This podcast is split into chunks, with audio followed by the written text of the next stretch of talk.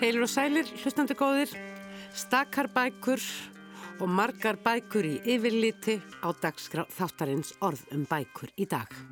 Undir lokþáttar heyrum við í höllu Þórlegu Óskarsdóttur sem hefur lesið og skoðað hérna sérkennilegu og stórmerkilegu sögu Egil Spámaður sem Lami Yamamoto sendi frá sér fyrir jólinn og hefur líkt og bók Laniar um Stínu Stórusæng sem kom út fyrir sjö árum vakið talsverða aðtikli.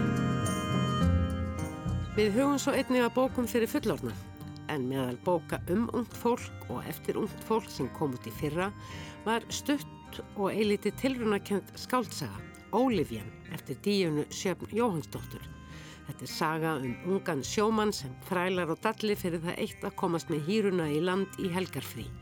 Mér þótti áhugavert að sjá þessa endurtekningu á lífi ungs sjómanns en í síðustu viku var á þessum vettvangi sagt frá skáldsögu hins danska Kims Læne um Avasinn sem á þriðja áratjú síðustu aldar eða fyrir tæpum hundrað árum lifði á sjónum fyrir fríhelgarnar á skemmtistöðum þess tíma í Kaupmannahöfn. Meira um sjómannslífið í landi og karlmennskuna á bók eftir 20 mínútur eða svo.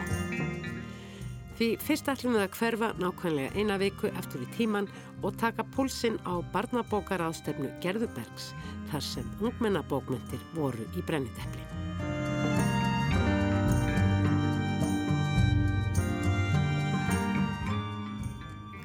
Laugadaginn 7. mars var haldinn í Gerðubergi árileg ráðstefna um barna og ungmennabókmyndir. Að ráðstefninu standa íslenskir barna- og ungmennabókahöfundar, félag fagfólks á bókasöfnum, Ippi á Íslandi, Reykjavíkur borg með borgarbókasafnið í brotti fylkingar, félag upplýsingafræðinga og jafnvel fleiri. Yfirskrift þessarar 2003. gerðubergs ráðstefnu var VÁ, bækur, lesendur þeirra og allt heið voðalega í heiminum og var aðtegli sérstaklega beint af ungmennabókmyndum. Í raun skiptist ráðstefnun í tvent og var fyrir hlutin helgaður skáldsögum fyrir ungmenni en þar leitt bókmyndafræðingurinn Guðrún Lára Pétursdóttir um auksl og gömgæði samhengi samfélagsumræðu og umfjallunar efnis í ungmennabókum síðustu ára. Og Hildur Knútsdóttir Rittöfundur talaði um sína nálgun að því að skrifa um samfélagsmál fyrir ungmenni. Síðara hlutir ástefnuna var svo helgaður upplýsingum, fróðleg og þekkingu í bókum fyrir börn og ungmenni. Sævar Helgi Bragason sem stundum er kallaður stjörnusævar rætti um mikilvægi þess að miðla vísindum til barna og ungmenna á bók og hvernig má gera það og tveir kennarar, svo kallarar smiðju í Longholtskóla, sögðu frá samþættri kennslu þar á bæ þar sem námið gengur út á aðferðir við öflun, fróðlegs og þekkingar og að fletta saman upplýsingum af ólíkum sviðum. Allt var þetta afar áhugavert, enda var þessi 2003. Gerðbergs ráðstefna um barna og ungmennabókmentir ágætlega sótt með að við aðstæður, auk þess sem allir höfði raun tækifæri til að fylgjast með, því sem þar fór fram í beinu streymi á Facebook síðu Borgarbókasapsins og þar má reyndar enn fylgjast með því sem gerðist í Gerðubergi fyrir viku. Hér í þættinum orðum bækur verður hins vegar í dag og í næstu þáttum stiklað á stóru í þeim áhugaverðu fyrirlesturum sem haldnir voru um bækur, lesendur þeirra og allt þið voðalegi heiminum.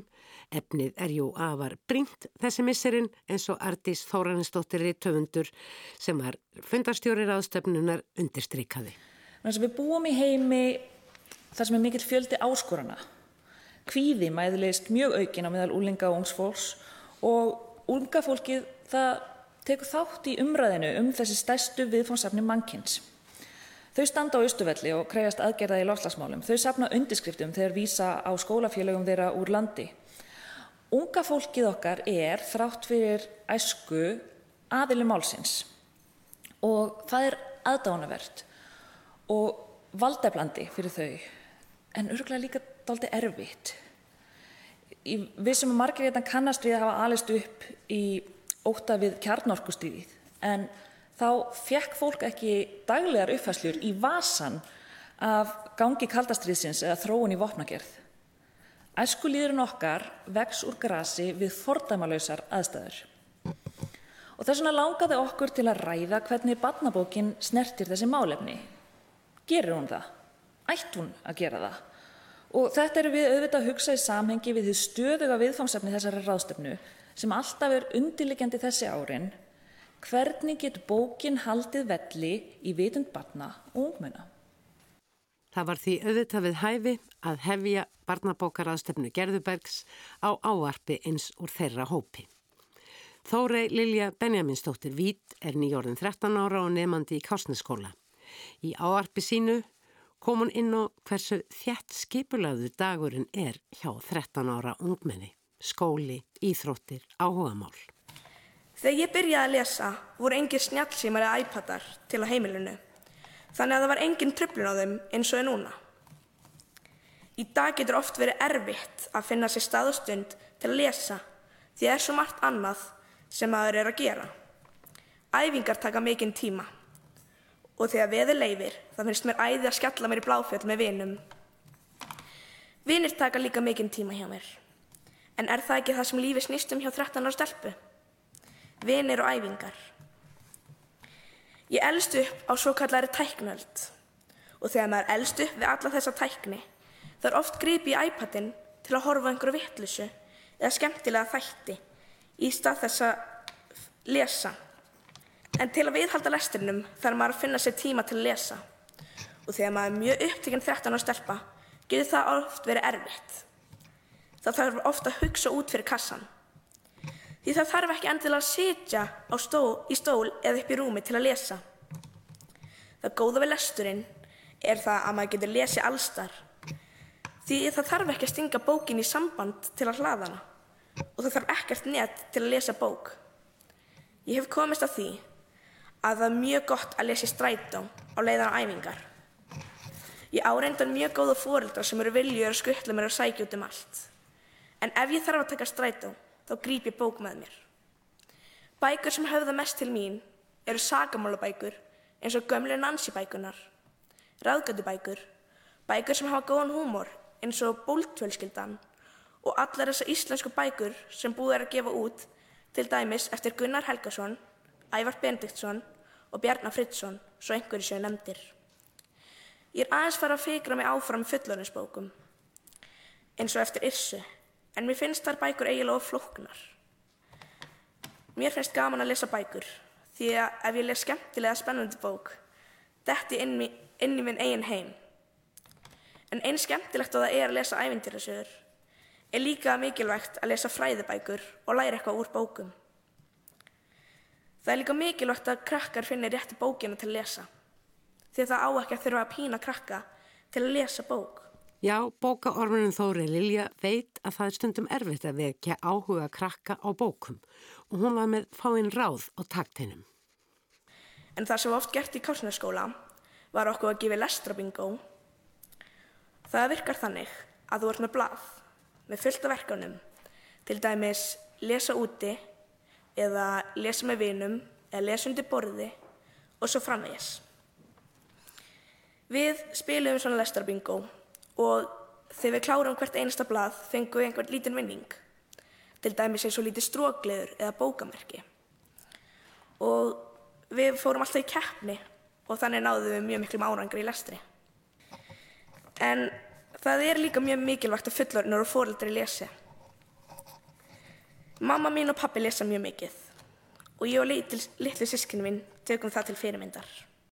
Guðrún Lára Péturstóttir bókmyndafræðingur leitum auksl í sínum fyrirlestri og skoðaði samfélagsrínu og lofslagsvá í íslenskum bókmyndum almennt, þar að segja ungmennabókmyndum og fór allt aftur til ársins 1977 og skáldsögunar Búrið eftir Olgu Guðrún Árnadóttur sem oft er talað um sem fyrstu úlingabókina og öruglega var það fyrsta bókin sem fjallaði um venjulega úlinga í einu Reykjavík sem kom út á Íslandi.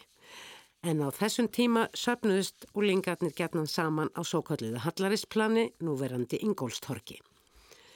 Og eins og titill fyrirlestu skvörunar Láru gefur til kynna á báti yfir Hallaриsplanið endaði hún á skáldsögu Hilda Knútsdóttur Nordninni. En í bók hennar hefur sjór gengið yfir kvosinni í Reykjavík og aðeins fært á bát um Hallaриsplanið góðsagna kenda.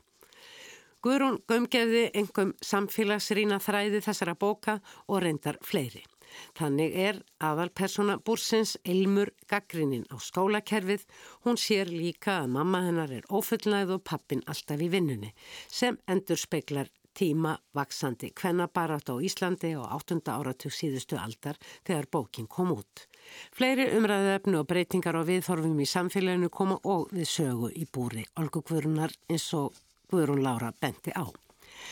Á næstu árum komu reglulega út bækur allaður úlingum og voru helstu höfundarnir Þorgrimur Þráinsson, Edvard Ingólfsson og Andris Indriðarsson. Í þessum bókum er líf úlinga vissulega umfjörlunarefnið og þeir skapa sögusviðið.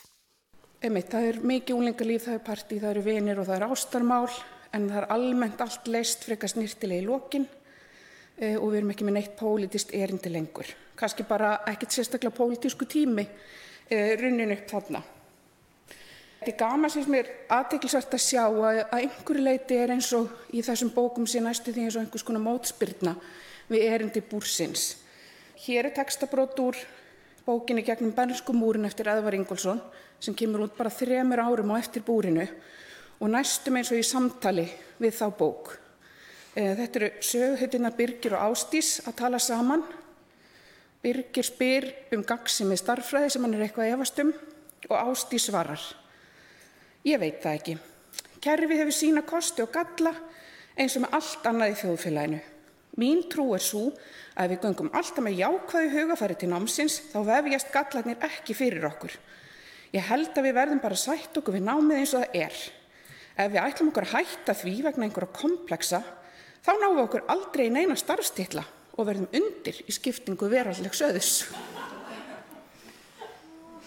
Eftir fyrirlestur Guðruna Láru benti gestur í sál á að þótt bækurna sem hér var vitnað til byggju ekki yfir pólitískri rótækni þá væru þær sannarlega pólitískar í sinni íhaldsemi. Kynnslóðir fyrstu ára nýrar aldar uppkvötuðu svo nýja tegund af bókum. Fyrst kom Harry Potter og síðan hver fantasíu höfundurinn á fætur öðrum og lingarnir sem uksu upp við aðdáun eldri skólafélag og slíkum bókum hafa nú beinleginns tekið þau málefni sem þeim þykja brín í eigin hendur. Guðrún Lára myndi á að árið 2015 hefði mótt lesa eftirfarandi orð í morgunblæðinu um hæfileika keppni ólinga skrekk. Ungt fólk er ekki bara þáttakandur í umræðinni um ímis samfélagsmál og megin, heldur líka leiðandi. Þessi hópur er ekki hrættur við að takast á við erfið og krefjandi málefni eins og framkom úrslítakvöldi Skrekks, árlegarar hæfileika keppni grunnskólana í Reykjavík. Um, þetta ár vann þetta hér atriði sem að margi mjöna kannski eftir með sterkan feminískan bóðskap sem kjarnæst í þessum orðum. Þú ert umkringd af óreittlæti og ættir helst að öskra. Guðrún Lára reviða síðan fleiri fréttir á næstu árum sem lutuð að virkni feministafélagi í ýmsum skólum til að mynda og snýrust þá oft um jafnrétti en einnig um álefni hins eginn fólks. Þá hafa framhaldsskólaneymar einnig verið virkir í baráttu hælisleitanda þótt það hafi kannski ekki komið sérlega skýrt fram í fjölmiðlum. Og svo er þetta þessi úlingur sem við þekkjum orðið mæta vel þó hún hafi e, verið öllum óþögt þegar þessi mynd var tekinn. Þetta er verið einu hálfu árið þegar Greta Thunberg um, óf skólaverkvall sitt fyrir loftslægið. Og uh, sennilega vegna hennar þá hefur þetta málefni orðið einhvers konar úlingamálefni og batna auðvitað líka. Þetta er eh, bara átt að sem að úlingur og börn tóku við á þessum tímapunkti og hafa einhvern veginn verið að bera á sínum herðum síðan þá. Og Guðrún Lára spurði hvort úlingabókinn hefði orðið pólitísk að samaskapi og lesendurni sem henni var ætlað að höfða til og svaraði spurningunni játandi. E, og ef við vikjum okkur að loftslagsmálunum þá kemur þetta hugtak fram 2013, Cli-Fi, e, samsettur orðunum climate og sci-fi og skilgreiningin er í rauninni bara bækur um loftslagsbreytingar að mannaveldum. En vegna þess að sci-fi hluta orðsins þá held ég þetta sé svona almennt oftast notað um bækur þar sem að loftslagsbreytingarnar e, skapa fantasíu elementið. Það sem að fantasíu heimurinn er heimur sem verður til við loftslagsbreytingar. Einhvers konar svona eftir heimsendasögur, post-apokalyptik sögur sem gerast eftir loftslagsbreytingar þar sem að Við stöndum í nýjum veruleika þar sem hefur jafnlega orðið hrjónsýði menningar og fleira. E, það er oft minnst að þessa bók hérna Orleans eftir Sherry L. Smith í sömu andra og Clive-Fy. Hún gerist þarna á Mexiko-flóasvæðinu, New Orleans og nágræni.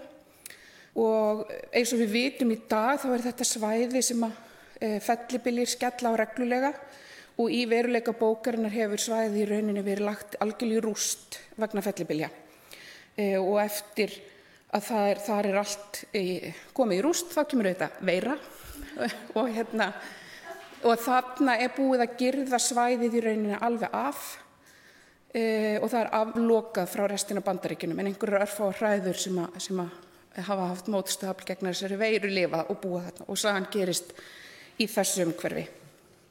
En hvað með íslenskar bækur um loftslagsvána? Það eru ekki margar en nokkrar þó.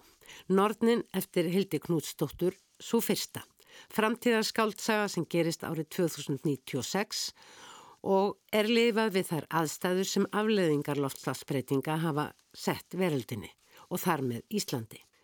Þar hefur fólki heldur betur fjölgað því fólk viðsvegar aður heiminum hefur sest þar að vegna þess að mörglönd er orðin óbyggileg. Einstakar þjóðir heyra sögunni til og þessi stað byggir nú ein sameinleg þjóð heiminn. Í þessari bók myndi ég segja umfyllinu loftslagsmál væri í bakgrunni. Það er ekkit sérstaklega verið að fjalla um loftslagsmálinn. Það plottið snýst um allt aðra hluti. Þetta bara mallar þarna. Þetta er þarna, svona er heimurinn í þessari bók uh, og ég myndi segja að það væri kvorki gerð til, til þess að málan mjög dökkum letum. Það er ekkit allt ræðilegt í bókinni. Fólk lifir venjulegu lífi. Eh, en það er líka engar einfalda lausnir og eins og þessi sameinaða þjóð eh, veriðist við fyrstu sín kannski vera algjört draumaríki þá kemur ljós þegar líður á bókina það er ekkit endilega svo gott. En þetta er ekki eina lofslagsbókin sem við fengum síðustu jól. Eh, fjallaverks með Íslands eftir Kristínu Helgu Gunnarsdóttur er klárlega loftslags fellur undir flokkin loftslagsbókmyndir þó hún hafi ekki loftslagsmálinn sem fantasíu element þessi bók fjallir um hóp ungmenna sem stopna kommun í braggaskamt frá Jökulsárlóni og þau eru eins og einhvers svona nútíma hippar. Eh, þau eru að prófa nýtt líf, nýtt líf sem er í sátt og samlendi við umhverfið eh, og lifa umhverfisvænum lífstil hérna í bragganum þetta sumar. Það voru græmitisfæði, þau gera það sem að kallast í bókina rusla, það er farið í gáma og sóttur matur sem, að, sem stendur til að henda og þau sækja stórun hlut af sinni fæði úr því úr umhverfinu og síðast en ekki síst eru þau sagt, umhverfi sinnar og breyða sinn bóðskap meðal annars út á samfélagsmiðlum og, og verða e, fyrir það fræg og virt og þekkt. Í þessari bók er umfjöldinu lofslagsvána einhverju leiti í forgrunni, það er kannski ekki eitthvað lofslagsvána öllu leiti, bara almenn náttúruvernd er í forgrunni. Það sem er einhvern nátt viðfangsefni bókarinnar og ég myndi segja kannski að erindi bókarinnar fælist einhverju leiti í spurningunni eh, hvað er það sem knýr loftslagsbreytinga fram? Og það er þá einhverju leiti svarið í neistlyggju í þessar bók. Og, og það verður þannig á endanum að úlingunum býðist að selja fjallaverksmiðuna sína fyrir góða suma peningum því einhverju auðkífingar sjá að það megi græða á þessum vinsaldum og gera braggan þeirra að einhvers konar ferðamanna miðstöð þar sem að ferðamenn geti komið og leikið eftir þeirra líf og þau þurfa að svara því hvort að þau eru tilbúin til þess að ganga markasöflunum á hönd. E, þannig á einhvern hátt í þessari bóku varpað upp spurningunni hvort umhverfisvernd geti verið söluvara. Guðrún Lára nefndi einni villuegjar eftir Ragnhildi Holmgersdóttur. Þótt loftslagsmál séu þar ekki beinlinnins umfjöllunarefni en í þessari fantasíu sem gerist á villuegjum hefur náttúrann beinlinnis reysið upp gegn íbúanum en þeir höfðu á sínum tíma útrýmt frumbyggjum svæðisins sem lifðu þar í samlindi við náttúruna sem henni nýju herrar hafa ekki gert. Kannski ekki síst finnst mér gaman að taka þessa bókjörna því mér finnst gaman að velta upp spurningunni er kannski hægt að lesa allar fantasíu sem loftslagsbókmyndir og mér finnst líka áhugavert að spyrja hvort það sé gaglegt og svarið er ekki ljóst. Mér finnst gaglegt að horfa á villihegar í þessu ljósi að því mér finnst persónulega fyrir mig gerir það eitthvað að, að sjá náttúruna upp, verða þreytta á yfirgangi mannsins og rísu upp gegn honum og sína hvers mögnu hún er. Það segir mér eitthvað um láslagsbreytingar, kannski engum öðrum og er ekkit víst að það hafi sagt Ragnhildi Holmgistóttur nokkurt skapað hluti hún hafi verið að hugsa það. En það getur verið gaglegt en það er kannski heldur ekkit gaglegt að vera endalust að klína einhverjum loftslagsmerkjum eða allt. Gurun Lára nefndaði lokum tilneyingu sem hún sjáu í skandinavískum loftslagsbókmentum þar sem breyttur lífstill komi mjög við sögu, endurvinnsla, grannkjara tilvera og þvíunlíkt. Gurun segist þó ekki að hafa fundið margar íslenskar bækur um þessi efni, nánar tilteki eiginlega engar, en hún benti á fréttum áhrif loftslagsbreytinga á barna og ungmennabókmyndir almennt. Fyrirsögnin er gretu áhrifin auðgasölu á barnabókum og í fréttinni stóð meðal annars sala á barnabókum um hvers vendabóðskap hefur aukist undan farin ár og er það rækið beint til Tönberg og hvernig henni hefur tekist að vekja aðtikli og áhuga um hvers vendum allan heim. Sala á bókunum sem fjalla um lofslagsbreytingar, hækkandi hýtast í jarðar og náttúrlíf hefur tvöfaldast á síðastlinum 12 mánuði. Gleðilegar fréttir fyrir áhuga fólkum lestur barna og úlinga og gefur til kynna hvert áhugi barna og úlinga beinist nú um stundir. En líka hversu fljótt markaðsöflin taka við sér. Guðrun Lára ámyndi svo um að ekki væri nóg að fjalla um rétta málefnið.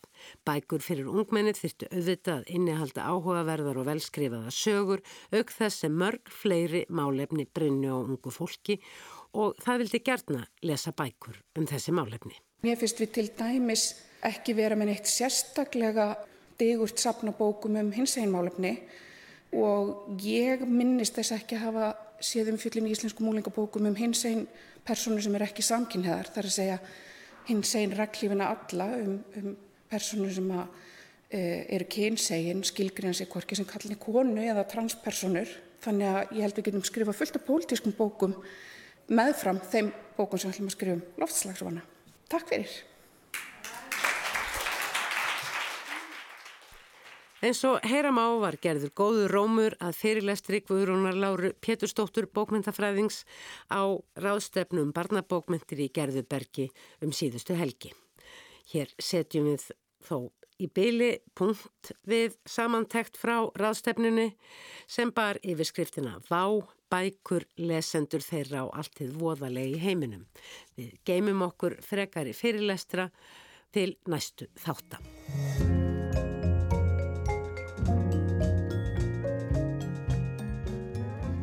Díana Sjöfn Jóhannsdóttir heitir ungur höfundur sem fyrir síðustu jól sendi frá sér sína fyrstu skáldsögu sem hún kallar Ólifjan og fjallar að segja má um djam og djöfulgang ungsmanns í Reykjavík í helgarfríi af sjónum. Sagan er snörp og framvindan afar hröð því sjómennskan er ju ekkert grín. Sannarlega ekki. Sjómennskan er púl, hún gengur út á að þekka sinn stað, vita æfinlega hvar á að taka til hendinni, á hvað að taka og að íta og svo framvegis. Þegar svo komið er í land, likur heimurinn opinn fyrir fótum sjómannsins. Fríhelgi, stundmilli stríða eða kannski hefð eiginlega stríð. Þar sem ekki likur ljóst fyrir hvað þarf nöðsynlega að gera, hvaða svip setja upp miða við aðstæður, Einfaldast að steipa sér í algleimið. Innbyrða það sem hendi er næst og virkar best til að keira sig áfram í spennu og einhvers konar gleði sem hindrar, svo langt sem það nær, að ígrunda stöðu sína, gera einhverjar áallanir, íhuga jafnvel breytingar. Þegar upp er staðið er svo kannski þessi ungi sjómaður alls ekki til. Eða hvað er raunverulega til þegar skáldskapur er annars vegar? Gera sögupersonur eitthvað utan þess sem högvið hefur verið í teksta á síðum skáldsögu. Hljómar kannski svo litið rugglingslega en er það kannski alls ekki. Því hvortvekja er hugleitt í þessari skáldsögu díunu sjafnar. Karlmennsku djamið og örlög sögupersona í sinni hreinu tilvist. Díana Sjöfn Jóhannsdóttir segð okkur frá því hvernig þessi skáltsaga kom til því. Hún er ekki laung en ansi massíf. Já, ég var fyrst svona að velta fyrir mér þessu karlmennsku, uh, eitraðri karlmennsku mest og hérna... Og til þess vísar titillin Ólifjan. Jú, jú, einmitt. Ég var svolítið lengi að finna titillin en einhvern veginn endaði með þetta á að vera vísin í eitraðri karlmennsku. Svo fór ég einhvern veginn út í, ég er alltaf bókmyndafræðingur þannig ég er svolítið mm. först í skaldsagnarforminu kannski og þá var það svolítið svona það sem kallað er metaskalsa eða sögusaga held ég að er að kalla á íslensku. Ég, það er sjálfsaga, saga sem að fjallar að einhverju leiti um sína tilurð, um sína tilvist, jafnvel, sem er kannski frekar það sem þessi skáltsaga fjallar um, því að þú afhjúpar þetta í rauninni ekki fyrir en alveg í rauninni undir lokin. En þá ræður það líka dálitið og, og kemur á fundi millir sögupersonu og höfundar. Já, það var náttúrulega ekki ætlunin þegar ég byrjaði að skrifa. Það sem vafðist mér svolítið var þessi karlmennsku hugmyndir og hvort að ég ætti raun bara rétt á að sem kona að, að setja mig alveg í þessi spór. Ég er svolítið svona náttúrulega utan...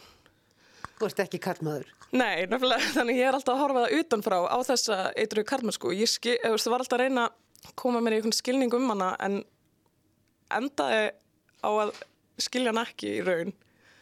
Og þess vegna var endurinn svolítið svona Já, skaldsaðan þurft að vísa til sjálfsín eitthvað neginn. Uh, var þér snemma ljóst að þetta hliti að vera sjómaður? Er það jobbið sem að afhjúpar eða krefst mestu karlmennskunar?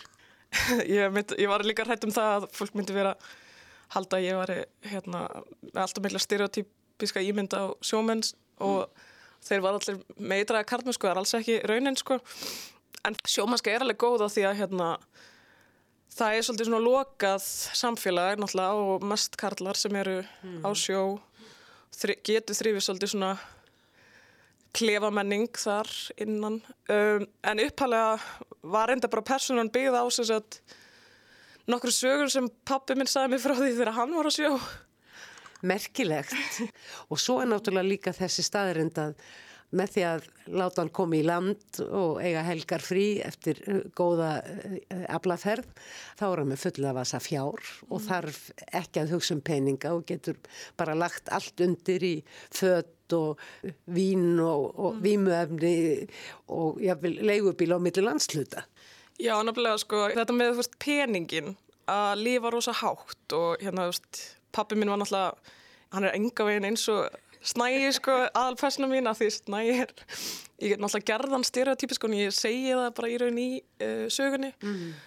en þetta, jú, að eigða pening og hvernig pening eru samansæmerki sem völd eða eitthvað mm. svona en svo sér maður að veist, hann hefur ekki eins og valda sjálfu sér já, einhvern veginn urðu þessar sögur sem ég fannst svo fyndnar, þú veist, pappi minn til dæmis tók leigubíl áti á tíð eitthvað tíman mér finnst þetta bara svo fyndar sögur en einhvern veginn urðið þar síðan einhver grundvöldur fyrir þú veist að að skoða þessa eitröðu karlmennsku að lifa hátt að hérna hafa enga ábyrð eiginlega, enga ábyrða tilfinningu mm. en svo fléttast náttúrulega inn í svona svolítið nútíminn en hún er svolítið tímalauðs í raun Já, en til dæmis þeir fara út á djammið félagarnir hann grýpur með sér félagar sinna sjónum sem er tiltölulega nýr mm -hmm. á, á eldunni og uh, þetta eru tveir mjög ólíkir kallmenn og það er aldrei skemmtilegt hvernig þú kynir okkur fyrir Ragnari, vini Snæja, í gegnum Snæja. Þetta er svona vinur sem hann er bara nýbúin að kynast, sem svolítið segir líka mikið um Snæja, hvernig hann er hann mm. og greinlega ekki marga vini. Mm. Og hvernig við sjáum Ragnar, allavega í byrjunsjónar, er í raun bara hvernig Snæji sé Ragnar og hann heldur Ragnar sé eins og hann en svo einhvern veginn fer að vinda ofan af því að hann mm. er bara allt, allt öðruvísi og, mm. og líka svona snægi reynir einhvern veginn að alltaf að gera honum til gæðis eða þú veist hann vill að Ragnar finnist hann töff og þessi ímynd er svolítið svona fast, fastur liður eða fast stefi gegnum bókina að hérna ímyndin þarf alltaf að vera flott Já. og við einhvern veginn vitum eða aldrei raun hver snægi er inn við beini sko En þetta djam þeirra í Reykjavík, það ættum kannski að fá stöttan kablar því að eins og ég sagði upphafið, þetta er ekki löngsaga en hún er mjög snörp, framvindan er hröð. Varstu með einhvern kabla sem við getum mm. svona fengið eh, tilfinningu fyrir andanum í tekstanum? Í fyrsta skipti sem hann leitt hana augum var hann í kröppum dansi upp á miði barborði. Þar sveiflaði hún sér fimmlega og hreyf allar með sér með innilega hjartna með brosi sem var á þessari stundu kóranað með mjórri síkartu í hægra munnvikinu. Hún var klætt í loðpils sem var nokkur um númurum á stóra á hana. Þó að hann hafi öllum líkinu verið minnsta starrin sem var til í búðinni. Enda var hún sjálf svo lítil og grönn að sér hver flík af slíku mikilfengleika hefði verið henni um megn. Það var samt ekki stærðin af pelsinum eða hversu glæfarilega hún ákvað að stíga nokkur spór uppi á barborðinu við góðar undirtæktir allra á staðinum sem vakti aðalega aðtikla hans. Heldur það hvernig svipur kom á hana í hvert skipti sem hún hló. Ykkurn veginn eins og hún vissi meira en flestir aðrir í kringum hana. Það var ekki hún sem var fáraleg, heldur allir aðrir. Lífið var henni leikur og hún vissi það. Það var einungis risastórt borspill þar sem hún var alltaf sjálfkryndur leikjamestari. Hún vissi hvað áhrif hún hafði að menn, þó hvorki hún niður nokkur annar ef því var að skipta, gerði sér nákvæmlega grein fyrir því af hvaða ástæðu. Snægi fylgdist með henni dansa á menn hann södraði bjórin letilega. Þeir höfðu skipt um skemmtistaði eftir að flaskan kláraðist. Ragnar var komin í hróka samræður um stjórnmál við ykkur að lögfræðinema sem sáta borðinu næst þeim og Snægi vildi ekki fyrir sitt litla líf blanda sér inn í það. Hafði ekki áhuga á slíkum umræðum á djamminu. Þekkti það af reynslega þar gátt enda illa. Lokkaflóð af ókunnum sléttarum dömum hafði komið sér vel fyrir á borðinu og hann rámaði það að Ragnar hefði bóðið þeim þanga hálftíma áður. En hann var satt ekki alveg viss. Hann fann að minni var árið glöppbót auk þess að hann hafði eitt allt um lengu tíma á klósetinu því eitthvað fíbl hafði ælt yfir alla básana og hann hafði þurft að býða eftir að það var búið að skúra mesta viðbjóðin. Ætli Ragnar hafi ekki haldið sér uppteknum á meðan, hugsaðan með sér, en eftir að hafa lítið á stúlkunar skildan af hverju Ragnar hafði ákveða að forða sér yfir á næsta borð. Stúlkunar líti oft til hans en gerði ekki tilraun til að spjalla við hann. Hún var slett sama. Var hann staðrann í því að hann vildi bara þessa einu stelpu. Líklegast því hún virtist ekki gera annað en að hunsa hann, sama hversu mikið hann starði. Hann tegaði síðasta sopan af björnum sínum og stóði upp. Dustaði ósynlegt kusk á jakkafötunum og hjæltast það í áttabarnum. Hann staðnandist fyrir framann þann hluta borðsins sem hún var búin að helga undir dansin sinn og rétti fram höndina í áttaðinni. Þessar lýsingar á djamminu, augnatilítunum, hitanum, þrengslunum, uh, hvernig er verið að hella niður og, og einhvern veginn rekast hvertin í annað. Þetta eru mjög, varstu fljóta að skrifa þessar lýsingar?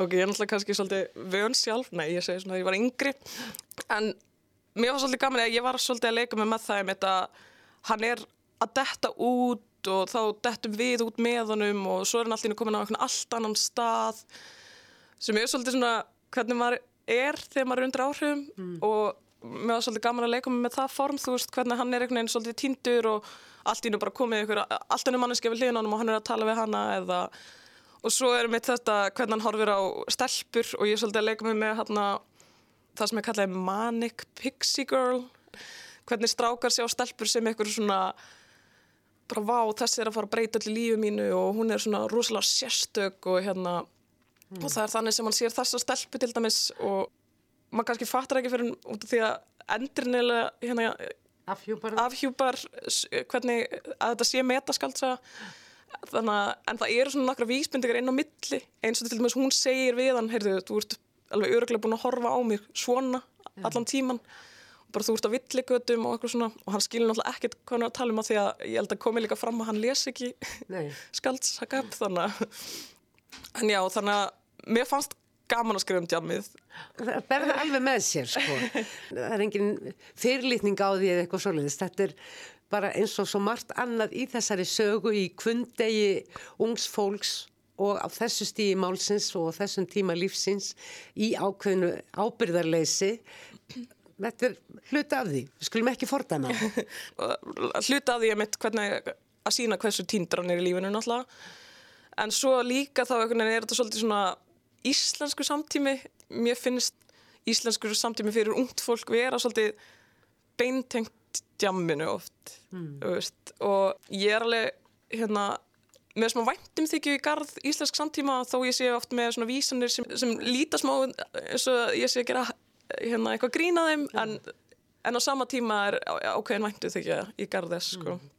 Hugsaður um einhvern lesanda þegar þú varst að skrifa þessa bók við hvert þú væri að tala? Mm, já, ég veit það ekki alveg sko, hún er markasett yngri markaði í mm. raun en ég er ekki vissum að ég hafa endilega hugsað þannig, ég heldur meira bara svona jú, kannski minn aldur náttúrulega þú veist mm. uh, 20 til 35 eða eitthvað en ég var náttúrulega rosalega hrætt um ef alengir hættum viðbröð karlmanna við en já, eins og ég segi, hún er náttúrulega mjög stereotypisk og mér finnst líka gaman að gera stereotypisk. Það er kjöt á beinunum Já, á stereotypunum. já, nefnilega, þær eru skemmtilegar, þú veist, við höfum gaman á stereotypunum en svo líka, þú veist, hann er kannski svolítil andhetja ég veit ekki hvort fólk, fólki minn ekki líka vel við hann kannski en samt er ég að vona allavega, mér þykir rosalega væntum hann mm. og ég vorki hann um smá og ég er að vona, þú veist, að lesendur gera það líka Já. Að því mér finnst hann vera bara svona svolítið grei og var að reyna að gera það á sama tíma og hann er náttúrulega að taka mjög rángar ákvörnur og tala hræðilega við konur til dæmis. Og það er eiginlega engin kona eða hvern persónu nefnda nafnana og það er út af því að öll sagan er hugsuð sem Vera, já, já reyndar, gamla kærastan. gamla kærastan reyndar. Og svo þessi hérna Manic Pixie Girl. Já. uh, en annars þá er þetta allt svona hugsað sem að eiga að vera að sé frá hans augum veist, hann, hann pælir einhvern veginn, flest, flesta konur eru bara eitthvað sléttarðu dömurnar þarna eða, Já, krulluðu ljósærðu. já, einmitt, eitthvað svo leiðs Og svo er það ofbeldið því að það er í rauninni svo mikið inn í þessum strák, mikill kraftur sem ekki kemst út. Og stundum brýst hann einfaldlega út og nefinu komin á loft og, og hann er farin að berja mann og annan sem hann hafði enga ástæðu til og vill eiginlega ekki alls ekkert berja. Nei, nefnilega, og þetta er svolítið svona síndarmennskan kannski að vilja líti út fyrir að vera eitthvað meira Já, því hann ræður ekki, beinleins ekki við sig. Já, og svo líka þetta Hvar vorkendi honum eiginlega mest? Já, en svo líka þetta hvernig hann er einhvern veginn ósáttur við hlutskipti sitt. Hann er alltaf að bera sig saman við aðra, finnst hann ætti að vera í viðskiptafræðinni háskólanum en ekki Á sjó. á sjó og svo er hann alltaf svona já að reyna að réttla það fyrir sér með því að segja að þar fara hann mikið pening.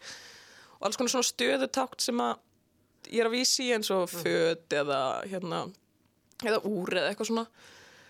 Og hann hérna á kannski erfitt með að stjórna sér af því að hann hefur aldrei þurft einhvern veginn að hugsa um mikið um mörg og svo er það svolítið með aðstæðandu gott hérna önnur sjómannasaga sem kom líka um Jólin Austur eftir Bragapál Nákvæmlega. og það var, þú veist, verið að sína hann sýnir þar rosa mikið svona eineltið sem er á sjó. Þú ert auðmikið ef þú getur ekki gert hitt og þetta og eitthvað svona. Og ég ákveða að fara ekki mikið í sjómennskuna á sjó af því ég sjálf hef aldrei verið á sjó þannig ég ákveða að halda mig á landi. Þú sendir fyrir tveimur áður frá því ljóðabókina Freyja, nafn konunar eins og það gerist sterkast og í þeirri ljóðabók er ljóðmælandi ung kona og hún djammar vissulega í bland, ekki síður en snægi í Olivia og veltir ímsu fyrir sér.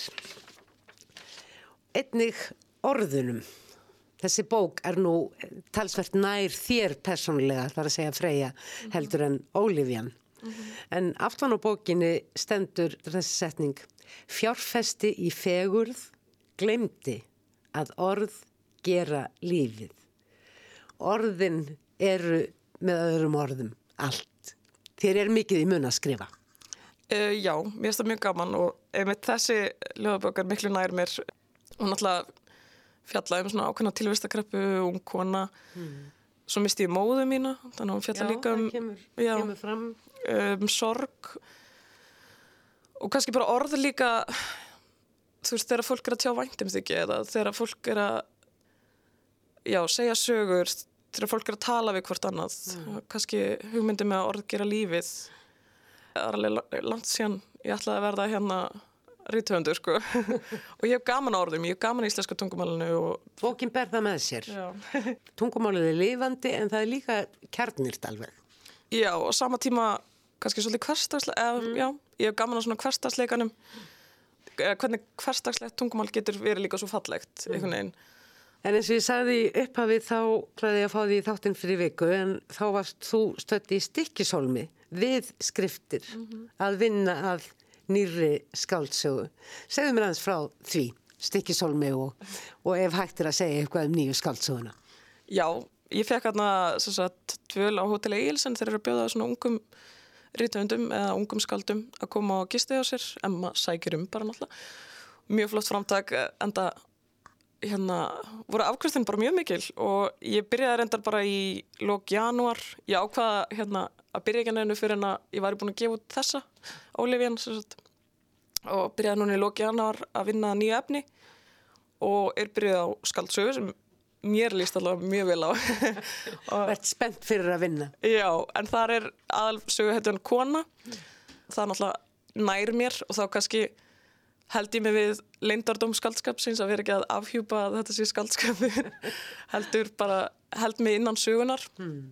og ég voru ofta að nota eitthvað svona eins og ég heyrði eitthvað tíman að segja hérna, rítuhundar eru svolítið þjóvar og ég held að ég sé alveg hrikalega mikil þjófur af því að mér finnst rosa gaman að taka sögur úr bara lífinu eða bara frá öðrum Eitthvað sem þú sérð, hreyfingu, augnatillit, setningar, aðstæður Já, já, ég er alveg, ég get verið manneskinni stræt og skrifa upp setningu sem einhver segir, sko. Mm. Eða eins og þarna er ég að stila sögum frá pappa mínum í Ólífjan. Ég ætla að láta aðalsögu hittina núna og hún svo missi móðu sína, en við kannski aðeins... Tilfinning sem þú þekkir. Já, nokkulega. Og við aðeins öðruvísi aðstæður endar. Mm. Og svo vinnur hún á hjúgrunarheimili og ég hef svolítið gaman af fólki og hérna ég vinnið, þú veist, í félagsnefnustin, ég vinnið hjókurinnarheimili og mér er svo gaman að kynnast fólki og kynnast mm. sögum þeirra og stila þeim eða svona einhverjum hluta, eða veist ég... mm. Segja þær með þínum hætti Já, ég bind kannski saman tvær sögur ólíkra einstaklinga mm. að því mér finnst, já, bara sögur fólks mjög skemmtilegar Þú uh, ert búin með bíanóm bæði í bókmyndafræði og í rillist og erst núna í menningarfræði? Nei, ég er búin að klára menningarfræðina reyndar. Þannig að þú hefur verið að sækja þér svona mentun sem að tengist uh, uh, skriftunum. Mm -hmm. En hvernig er að vera ungur rittöfundur í dag og að svona berjast með sínum bókum eða kætast með sínum bókum? um, þetta er... Er aðstæðu góðar? Já, mér finnst það mjög góðar sko. Ég mér finnst vel tekið á móti nýjum höfundum og svo er það náttúrulega líka þessar nýju útgáfur sem er að taka nýja höfunda mm. og er líka oft bara ungt fólk sem stendur á baku þær útgáfur. Salka gefur uh, Ólífjan út og Partus gaf Frey út. Mm -hmm, nákvæmlega. Hvort vekja svona ung forlug þó Salkan og orðin okkur ásett. Já þau, þau eru nokkur ásett. Þau eru kannski vanar að gefa út barnabækur og svona mm. þannig að ég var mjög heppin að þeim leist vel á handriði og vildi gefa mjög út ég er mjög þakklátt því þannig að maður er alltaf mjög, maður er mjög þakkláttur að því að þetta er alveg líka okkur ströggl, þú veist ég fekk alveg eitthvað nei líka sem er bara eins og þetta er bransin en ég held að það sé aðalega bara að vera óhrættur við að halda áfram og bara prófa næsta Og mikilvægt að koma bók frá sér. Já, mér finnst það sko, ég er alltaf hérna, jafnvel þó að sé bara að klára hann að gefa hann út sjálfur eða eitthvað, eða bara ekki festa sér mikið í skuffunni af hræðislu mm. einu vandamáli kannski að það eru svo margir flottir að gefa út maður, maður er í keppni við þá. En svo sama tíma átt að bara vera gaman allavega fyrir, fyrir mann þegar maður er bara að byrja og þetta er náttúrulega ekki aðalstarfið mitt ennþá. Þannig að fyrir mér er bara gaman að fá útgefið vona að ég fái aftur. Um, En þetta er líka langklöp Hvað tók þessi skáltsa Ólífjan langan tíma? já, það, hún tók alveg þrjú ár að skrifa þannig að, þú veist, miða við vinnina í þrjú ár, náttúrulega með hlýjum og svona, mm. þá kannski er það svolítið skrítið síðan þegar hún er komin út, maður fær svona svolítið létti en á sama tíma bara svona skrítið, eða já, sökniðir einhvern veginn, þetta er langklöp, já, það tekur alveg langa tíma að skrifa, sko. Mm. Ég gera mér ekki grein fyrir hversu mikið, til dæmis áður en ég gátt freyju, hversu mikið endurskrifin taka á sko, Já. að fara aftur og aftur yfir og mm. hérna með rítstjóra og svona og þetta er alveg vinna mm. Vinna sem að þú vildir gerðnan stunda Já, satt sem að bara gott að vera með sjálf og sér og skrifa einhvern veginn og ég hef gaman að því að miðla sögum frá mér þannig að ég væri til að halda því aðfram Já Gerðu það endilega Díana Sjöfn Jóhannsdóttir, kæra þakkir Takk fyrir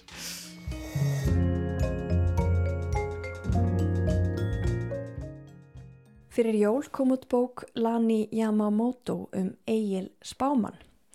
Ég verða viðkana að ég var strax mjög spennt sjálf þegar ég sá kápuna því ég myndi vel eftir síðustu bók höfundar í sama stíl sem kom út sex árum fyrr.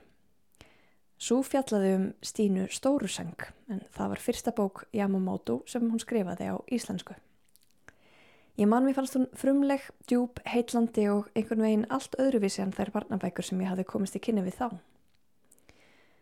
Kápa Stínu Stórusengur var prýtt minstri sem vísaði í prjónaskap, sterk vísbendingum efni bókarinnar. Kápa Egil's Spámans gefur líka vísbendingum innihald bókarinnar. Hún er þakinn tölustöfum en maður þarf að vera aldrei sjóaður til að átta sig á vísbendingunni strax. Ég kem að því síðar. Egil spámaður er ungur drengur sem vil helst ekki tala. Það er óljóst hver ástæðan er en það er þó sérstaklega tekið fram að hann sé ekki feimin. Hann upplýr bara að það sem hann hugsar kom einhvern veginn vittlust út úr honum. Eða hvað? Vittlust. Eftir lestur bókarinnar setur lesandin innmitt spurningamerki við nákvæmlega þetta orð. Vittlust. Bókin segir frá einu dæmi úr stærfræði tíma þar sem Egil er byggðin um að svara og hann veit hvaða svar kennarin vil fá en þegar hann opna munnin kemur eitthvað allt annað svar út. En hvaða svar er rétt? Lani Yamamoto er fætt í bandaríkjónum og hefur lært sálfræði, trúarbræðarfræði og rýtlist. Auk bókana um Egil Spáman og Stínu Stóruseng hefur hún skrifað og teiknað heimsbyggilegar barnabækur um Albert sem líklega er nefndur eftir eðlisfræðingnum flugáða. Egil Spámaður er kannski daldi svipu týpa og Albert. Hann setur spurningamerki við um heiminn eða kannski hinn félagslega heim sem stundum er dálitið kassalaga. Hann vil skilja hlutina út frá eigin forsendum eða skilja forsendur heimsins kannski öllu fremur. Ég fór í huganum að bera saman fyrirnefndar bækur eftir Yamamoto. Allar verðast í fyrstu fremur einfaldar frásagnir af einu barni en við nánari aðtugun eru þær djúpar og heimsbyggilegar. Segjum á að bæði Albert og Egil Spámaður veldi heiminum fyrir sér á gaggrinnin máta, bæði út frá því sem þeim er sagt en líka eigin tilfinningum. Þannig eru vangaveltur þeirra byggðar á samtali við umheimin eða samfélagið öllu heldur. Þeir horfa út á við. Stína Stóraseng horfir meira inn á við. Hún er hrætt við að verða kallt. Það eru auðvitað ytri áhrif sem valda því en hún verst þeim með því að loka sig inni og klæða sig betur. Hún er í raun að einungra sig frá umheiminum því hún óttast kuldan. Personur í bókum Yamamoto spyrja stóra spurninga og finna svörin með eigin leiðum. Stundum eru spurningarnar orðaðar, stundum eru þær óljósar. Tilfinningin hjá fullornum lesanda er svo að eitthvað miklu meira búið að baki, að frásögnin geti opnað klukka inn í einhvern allt annan heim. Ég er búin að lesa bókina nokkrum sinnum, bæði sjálf í hljóði en líka upphátt fyrir tveggjára dóttu mína. Það komið alltaf óvart hversu hrifin hún var af bókinni og að hún hjælt henni gjörsamlega allan tíman. Í hvert skipti hef ég svo tekið eftir einhverju nýju, fylst innblástri eða horfið inn í óvendar vangaveltur. Bókin er þannig sannarlega hugsuð fyrir fullorna líka, en talandum fullorna þá eru þeir að mestu fjárverandi í bókum Yamamoto. Í bókunum um Albert koma fullornir við sögu en þeir eru andlitslausir. Í Stínu Stóruseng eru þeir fjari góðu gamni, maður fara á tilfinninguna að hún búi bara einn. Í sögunni um Egil Spáman koma reyndar tveir fullornir við sögu, annars vegar kennslukona sem er myndgerð sem skuggamynd og hins vegar kaupmaðurinn í Kjötborg sem segir ekki neitt en Lani Yamamoto ljáir honum vinalegt andlit. Hann er líka einhvern veginn jafningi Egils. Hann mætir honum af virðingu þegar eiga sinn heim saman þar sem engin krafa er gerðum óþarfa samskipti. Egil kaupir sama selgetið vikulega og kaupmaðurinn kann innköpalistan utan að. Egil þarf verið ekki að segja orð. Lani Yamamoto er listamadur, bækur hennar eru listaverk. Jafnvægi mynda og texta er gott og einhvern veginn mjög skýrt. Tekstin er knappur en vel sniðin. Það verist sem hvert orð sé valið af kostkefni og sumulegðis er flæði tekstans út hugsað. Hann hefur stert ljóðrænt yfirbræð, takturinn skýr þótt hann sé breytilegur.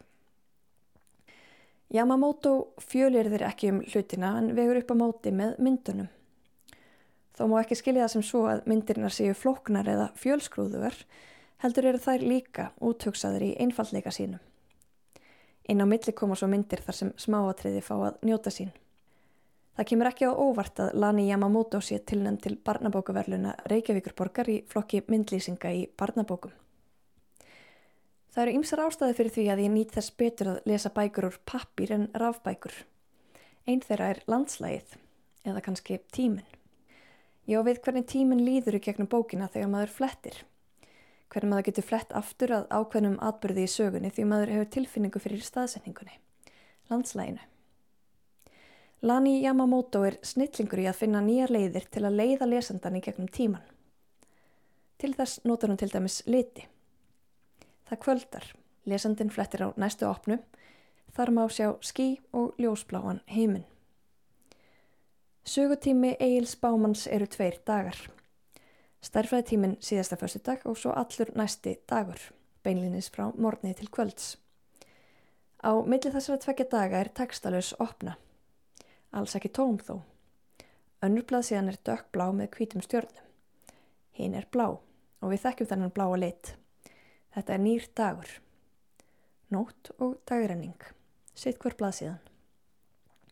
Og næsta opna hefst á orðunum daginn eftir. Þetta er svo listilega gert við ákveðum sjálf hvað við dveljum lengi í nóttinni eða þessum umskiptum. Og þetta er til dæmis glæni í lestrarupplifun fyrir okkur maðgurnar. Dóttur mín nýtur þess að staldra við og virða fyrir sér þessa opnu. Stórmerkilegt. Eins og ég myndist á í upphafi príðir kápu bókarinnar fjöldin allur af tölustöfum.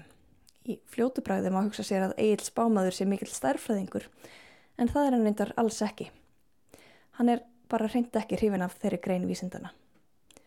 Töflunar sem kápan skartar eru tímatöflur og vísa til sjávarfalla, sólaruppbrása og sólsetra. Lífið lætur ekki alltaf að stjórn, raunar sjálfnast. Að reyna að stýra lífinu getur auðvöldlega valdið kvíða og vanlíðan og þetta er kannski gildra sem við fullorna fólki þekkjum betur heldur en börnin. En við getum samt reytt okkur á náttúruna og við höfum vísindin til að skilja hanna. Við vitum ímislegt fyrir víst, við þekkjum sjáarföllin og við vitum að sólinn rís og sest. Við vitum líka að þetta gerist ekki alltaf á sama tíma, en þó er hægt að reikna út nákvæmlega hvenar þetta á sér stað. Út frá þeim útreikningum eru gerð almanög eins og það sem Egil Spámaður hefur ætið með sér og príðir kápu bókarinnar.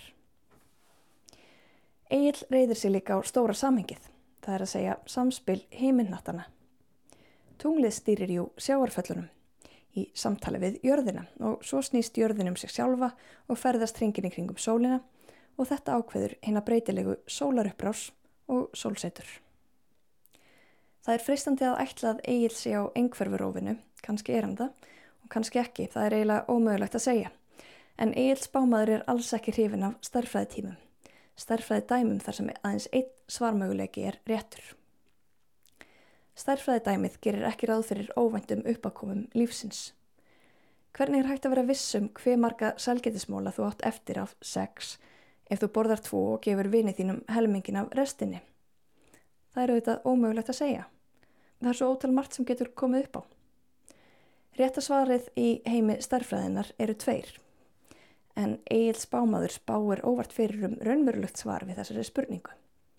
Engin, rópar hann eftir umhugsunarfrest þegar kennarinn spyr hann. Þrátt fyrir að hann vissi nákvæmlega hvert rétta svarið væri. Dæin eftir rætist þessi spátumur þegar hann hittir óvænt nýju stelpuna í bekknum á vanabundinni laugardagsgöngu sinni um hverfið þegar hann var einmitt búin að borða tvo móla af sex. Hann reynir fyrst að forðast hana, áætlar göngur að hennar reynir að taka fram úr henni eða leipa henni fram úr en hún hægir og hraðar á sér svo það tekst ekki. Og það sem kannski kemur honum mest á óvart er að þau skemmta sér vel saman. Er hún kannski nýr vinur? Í fjörunni missir Egil þrjá móla í sjóin. Þá á hann ekki lengur þessa móla. Samt gaf hann þá korkinni að borða þið sjálfur. Og svo deilir hann helmingnum af restinni með vini. Býtur síðasta mólan í sundur. Og þá á hann engan móla eftir alveg eins og hann hafði sjálfur spáð fyrir um. Því hvað er sannleikur? Það sem var satt í gæri er kannski frásina í dag. Allt fyrir eftir forsendum og óvæntir atbyrðir geta haft afgerandi áhrif á framvendu mála. Það er kannski svo áminning sem situr hvað fastast eftir lestur bókarinnar um Egil Spáman eftir Lani Yamamoto. Það er alveg sama hversu vel við undirbúum okkur, hversu nákvæmlega við reiknum dæmið. Lífið getur alltaf komið okkur í opna skjöldu. Fleiri verða orðum bækur ekki að þessu sinni. Tæknimaður þessa þáttar var Davíð Bentsen. Takk fyrir að hlusta. Verði sæl.